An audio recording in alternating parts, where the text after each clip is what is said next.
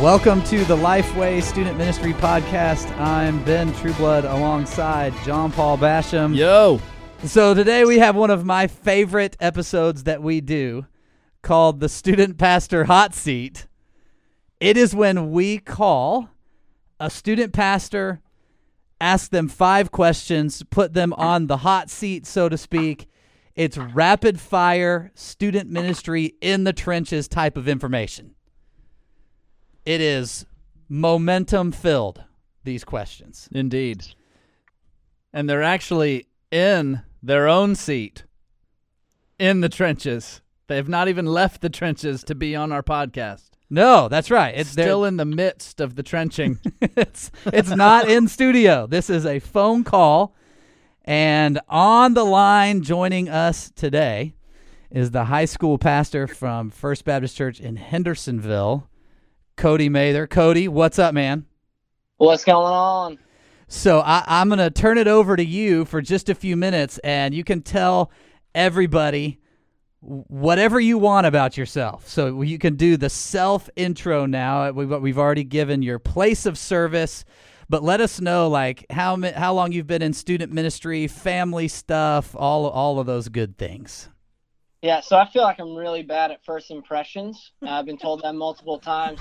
Uh, How does that conversation go? You say hello, and then somebody Yeah. goes, "You know, that was terrible." you know, you just get to know people over time, and then they're like, you know, when we first met, I don't know how we were gonna get along, and then you start finding out you're really bad at first impressions. So I don't know, but uh, no. So uh, no, I'm the high school pastor at uh, First Baptist Hendersonville. Been here since April of 2017. Uh, my wife and I were originally were native Texans, uh, so kind of grew up in the Houston area. Uh, been in student ministry for about um, about 10 years now and uh, man loving every minute of it um, but like i said we moved from texas to tennessee a little over a year ago in a, in a new role with a new church and new team but we're loving it um, but my wife and i currently uh, we are in the process of starting our family through adoption so things are about to look very different here for us coming october is when uh, is when our birth mother's expected due date is coming around so we're really yeah. starting this new uh this new journey for us. Congratulations, man. Thank y'all. So about a month and a half away from the 40 46 days. 46 days. Not not that you're counting. 40 Not, 46 not that I'm counting or anything. So Dude, that is fantastic. 46 days away from that from that huge moment in y'all's lives. Well, we will definitely be uh, praying for y'all, praying for birth mom and Awesome. and the coming baby. So that'll be cool. we appreciate that. We need it all. So, uh, native Texans, but here's the thing, like I've never picked up from you Mm. like the Texas superiority complex. Yeah, no, I listen, I love Texas. Like I really I really do. I'm I'm proud to be from Texas. Uh, but you know, I don't have the accent that comes from Texas. Like my wife does. She sounds like she's from the sticks. Um, and I just don't. Uh, she thought I was from California, so you know I love Texas, but I don't. You know, I think it's a great state, but I'm not like one of those. You know, Texas over everything else. Yeah. Is there anywhere in your house where a giant star is used as a decoration on your wall? Uh, yes, but yeah, it's not. It's not. It's not like one of those Western type stars, right? Like Jordan bought it at Hobby Lobby, and it has like the lights that light up past 5 p.m. Those kind of things. So it's not like super Texas. Okay, there you go. Well, Yeah. we will jump right into the hot seat questions of the day. I mean, man, one of the reasons why I love this po- this this kind of episode on the podcast so much uh, is because the audience gets to hear what is happening in real time right now in another student ministry. And while student ministries have different contexts all over the place, and students are, you know, different from different place to different place, that there are a lot of things that happen that are in common. And so uh, we love to celebrate and we love to hear about challenges and we love to do all of those things and give other student pastors an opportunity to hear from somebody who's in it every single day like they are. So here's question number one What is your main focus in ministry right now? Yeah, that's a great question. So we are right now. We've put a lot of time and effort into our Wednesday nights that we have. Um, so we just rebranded Wednesday nights at our church for our high school ministry. Uh, and so over the last, I would say, probably eight months, we've been talking about what can we do with our Wednesday nights uh, that can make it better, that can get more students engaged, that can create an atmosphere where people just get excited about Jesus. Um, and so we just kicked off our Wednesday nights. This Wednesday will be our third Wednesday, but two Wednesdays ago, where we kicked off a new Wednesday night with a new theme, a new uh, a new name for it, new new kind of theme verse of what we're trying to to accomplish in those things. So a lot of our effort and energy, uh, kind of as a team and as a as a student ministry, has been focused on our Wednesday nights. What uh, just as a follow up question there, what are some things that you saw? Uh, so you mentioned that you you've been uh, at your church since April 2017. What are yeah. some things that you saw that that gave you the moment of like, okay, we need to rebrand, we need to refocus what we're doing on Wednesday night? Like for somebody that may be considering that, what are some things that happened that led you to that saying, yes, we need to we need to re-envision this thing? Yeah, so I wanted to be careful when I when I first came in to to Hendersonville uh, because honestly, it's man, it's an amazing church. We've got a lot of great leaders that have been there for a long time. Uh, and honestly, the the machine itself was working well, right? Like Wednesday nights were running. We had people that were doing what they were needing to do. And so when I first came in, I didn't want to make any immediate changes until um, I'd kind of observed everything kind of just laid out before me. Uh, but over like I guess the last year, I could kind of see that we just kind of got monotonous. Things were just kind of in a groove, and students were used to it. There wasn't a lot of uh, just different elements happening on Wednesday nights. And and to my, I guess the, from my vantage point, it looked like things were just kind of getting apathetic from our leaders to our students, just kind of our organi- organization as a whole. We were just okay with where we were at. We kind of become began to be complacent and just say, hey, I'm okay with how things are run. I'm okay with how many people that we have coming on Wednesday night. I'm okay with um, not really inviting my friends to this. Like as long as my people are here, like I'm okay with that. And so I'd seen not that those things are necessarily bad things in themselves, but it just created this atmosphere, just apathy.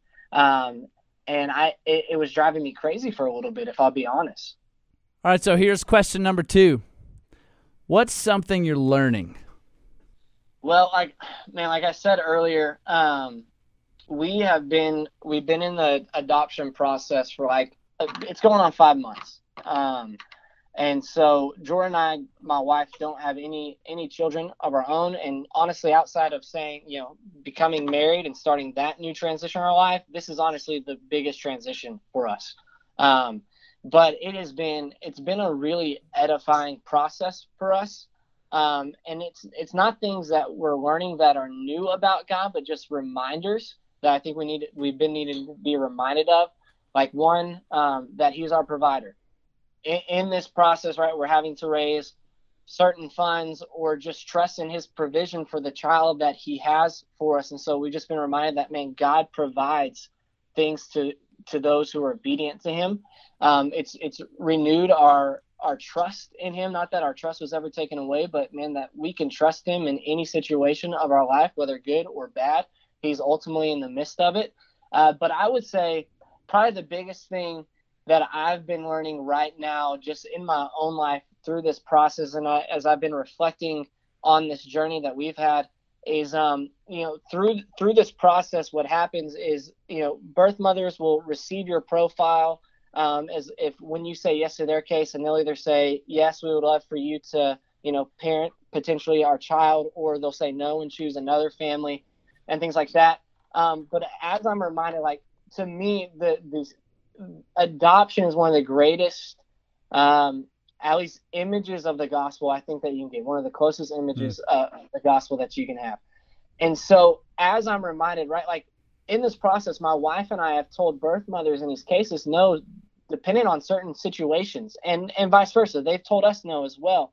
Uh, but something that I've just been reminded of, of, of who God is is ultimately when He adopts people into his kingdom and into his family, he doesn't tell anybody no, right? Like God doesn't tell anybody no to come into his kingdom. There's no certain stipulations or certain standards that he sets that says, listen, you can't come into into salvation. You can't come into my to my kingdom. And so what that's done for me is kind of just reminded me, even in, in life, is to be as inclusive, as accepting and inviting as I can to to everybody.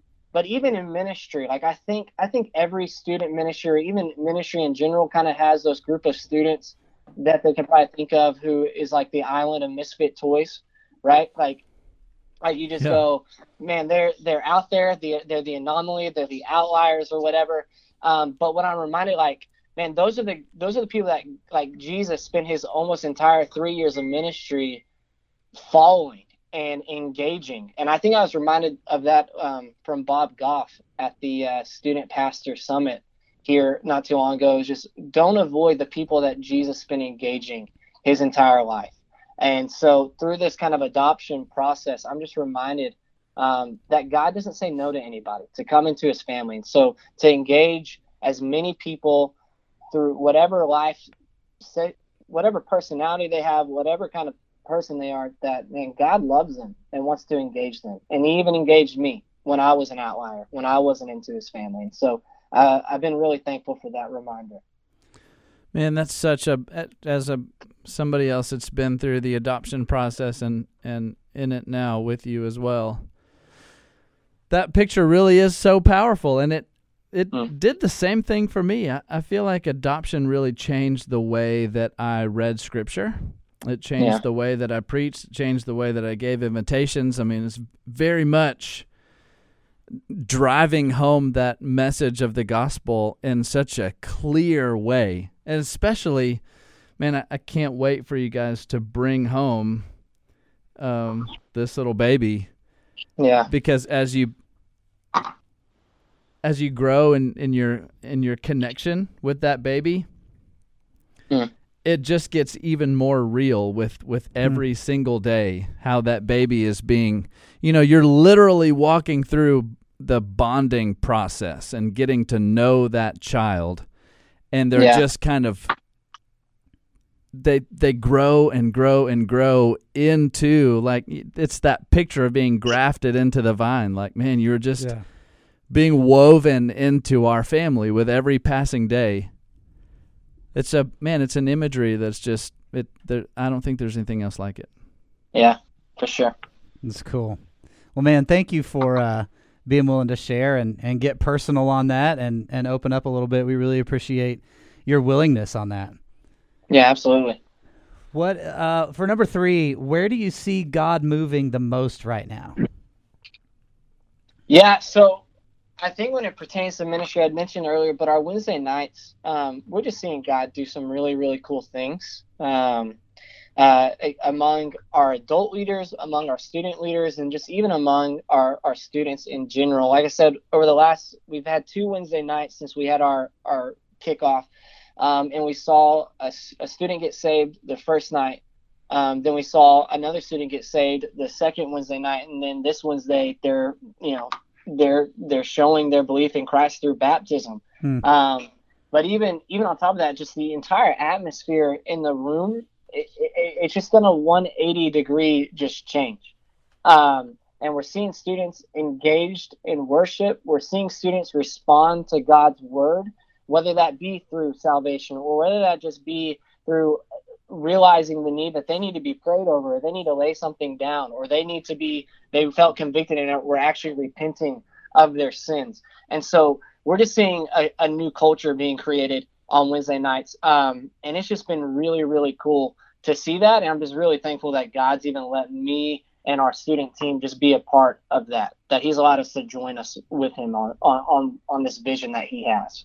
Yeah, man, that's awesome. I, I would ask just as a quick follow up for you know, obviously God moves and he does yeah. it and he he brings yeah. increase and all of those kinds of things, but at the same time empowers his people to to work and plow and all of that kind of stuff. So in terms of preparation and just like super practical things, what are some things that that you have done and that you guys have done as a team to kind of set the stage for for this to take place. Uh, what what are some what are some things that you were very intentional about in kind of reshaping that Wednesday night and getting it ready for it to do now what what God is choosing to do? Yeah, uh, th- there was a ton of preparation and things that had taken place before because if we would just immediately laid out these changes within within the office right? Like we would have just talked with this as a staff and just laid it out with any any of our leaders or our students or anything like that. No we, it would just been chaos. Um, and so something that i i had to do was build equity among relationships with some of our leaders and some of our students and and adults who are involved in our ministry uh, beforehand so that I know that they were on our side and they could get behind the vision that I felt like God was leading us to. Um, and so a lot of just uh, honestly like went out to dinners with different leaders, had sit down conversations or over the phone with different leaders um, to to kind of begin to convey this vision. And so they saw the importance of that, so they got on board with that. But then also, um, you know, it's it's ultimately a student ministry, and a student ministry runs off of students, and so we before we told any adults or anything like that we sat down with our student leadership team and began to walk through this process and, and lay the groundwork of the vision with them um, and you know at, at, at some points there was some resistance because you know people just get used and they were used to what was happening and they were emotionally invested to what was happening um, but we couldn't just help that god was up to something new and so we we we un- unpacked that for them um, and they got on board with it. And once they got on board with it, it began to spread across to the other students and things like that. And so, really, when we unveiled this, we unveiled the new theme of our Wednesday nights and kind of where we were going at the at, at our camp this past summer. Um, and I was honestly a little nervous because I thought it might might have been met with some hostility. Um, but the entire room was excited and applauded um, and they were just ready for what God was about to do with something new. Um, so, but it took it took a lot of building in relationships and a lot of honestly language to our uh, leaders, our student and adults, uh, of just trying to create a new culture with some new language and things that we're doing because we haven't honestly we haven't ripped out the old model of what we've done with Wednesday nights, but it's creating a new culture and a new mindset of why Wednesday nights are important and their role to be a part of it. We've given them more ownership, we've given them more of a voice. Um, and so I think once someone takes ownership of it, they're a little bit more invested in it. Um, and so it's just been a, it's been a big win for us. So you've said several times that you're changing the culture there. Do you have any like as, as you're thinking through hey this is this is what this is going to look like for the next little bit is all of that pointing to other pieces of ministry that you want that to to speak into or to influence on a culture level? Yeah, I think you know, I, I think the goal for us would be that Wednesday nights would honestly infiltrate every part of our student ministry more than just Wednesday nights, but also in to Sunday mornings into the way that students are living their lives at school, the way that students are engaging their peers or their their homes or their um, you know their neighborhoods, right? So like our theme uh, of what we're doing is is John three thirty. He must increase, but I must decrease. And and for me, this is the ideal life of a believer. The constant rhythm in the life of, of any Christian should be death to self and glorify, glorification of God, that God should be highly glorified and God first in everything that's going on in their life. And so we're we're pounding that on Wednesday nights as much as possible, and the goal is to see that played out in their lives Monday, Tuesday, Thursday, Friday, Saturday, Sunday. Yeah, I love that. Mm-hmm. That's strong. Number four, what are you preaching through right now? Yeah, so we are uh, in a sermons called Young Bloods, and we're looking specifically at First Timothy 4:12, uh, where Paul encourages and challenges Timothy, uh, and he says pretty much, "Don't let anyone despise you because of your youth, or don't let anyone look down on you because of your youth, but set an example in speech and conduct and love and faith and purity." Um, and so, what we're just trying to convey to the students is that God wants to use them here and now in in the stage that they're in in this in in the youth that they're in Um, and so, specifically in these five areas, how can you be setting an example of your faith to those around you and to those that you impact? And so, right, with our speech and our conduct and our faith, our love and our purity, how are we setting example to our peers and in our home of, of our relationship with Jesus? So, when you put together your preaching schedule, do you guys work through this um, like sermon series by sermon series, or do you plan out months at a time? Do you do like a one year theme? How do you guys approach that? Yeah, so I think it's changed over time as I've, you know, kind of just been in ministry. I used to just kind of go, all right, here's the sermon series I want to hit this week or for whatever weeks, and then kind of as it's going on, all right, here's where I think we should go next. But really, since I've been here, um, I've been trying to be a little bit more organized and a little bit more intentional where we have our sermon series. And so we try to have at least one semester, if not both semesters, mapped out with a sermon series and where we want to go. And what we're trying to do is how can we be as intentional as possible in that season with with what we're teaching to our students. So, like I said, we've been we mapped out this past year. Uh, at least we have this entire semester mapped out with where we're going sermon series wise. So we've got three uh, sermon series for this semester alone that we're going to walk through with our students. And then, do, so do those reach into whatever events you're doing? Do you stay inside that scope and sequence for events, or do those stand outside of that? So, like, if we have a uh, a specific event, like like a, a D now weekend, or even a uh, you know just kind of like we call we have late night events um, twice a semester where we try to have evangelistic outpush things like that. Um, they don't necessarily m- merge to those events, so it might be something completely different because um, like a late night event we're hoping that our students invite their friends to come to these things one to have fun but also to hear the gospel. So that night would specifically listen we're just going to share the gospel and pray that the harvest would be brought forward. But then on like our D now weekends we mix between high school and middle school. So we, we combine those together. And so then jeff and i are looking together what is a word or what is something that we think our entire student ministry needs to hear as a whole? So our our Wednesday night sermon series are are going to be different to than our events might be. So here's your last question. What's the best thing you've done for self-development lately? Yeah, I would say something that's been I think really good for just me developmentally right now uh, would probably be being a part of a connect group, and that's what we call our Sunday school classes. Um, I don't get to be a part of one on Sunday just because of, of my schedule and things that are going on.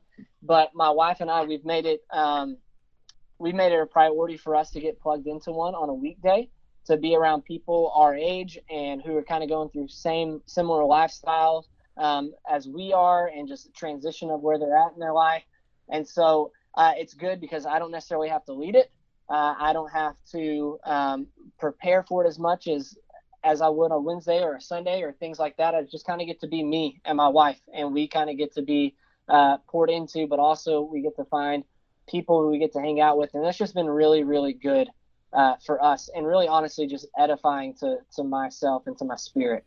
Man, that's so good because that right there is something that I think uh, you know, this is going to be a statistic made up on the spot right now, so I'll just say majority. I think nine out of ten. Yeah, I, I think the ma- a majority of student pastors miss out on that small group yeah. environment. I know it's something that I missed out on, um, and I, I know that it's something that that a lot of people, you know, just because, like you said, Sunday's not an option, right?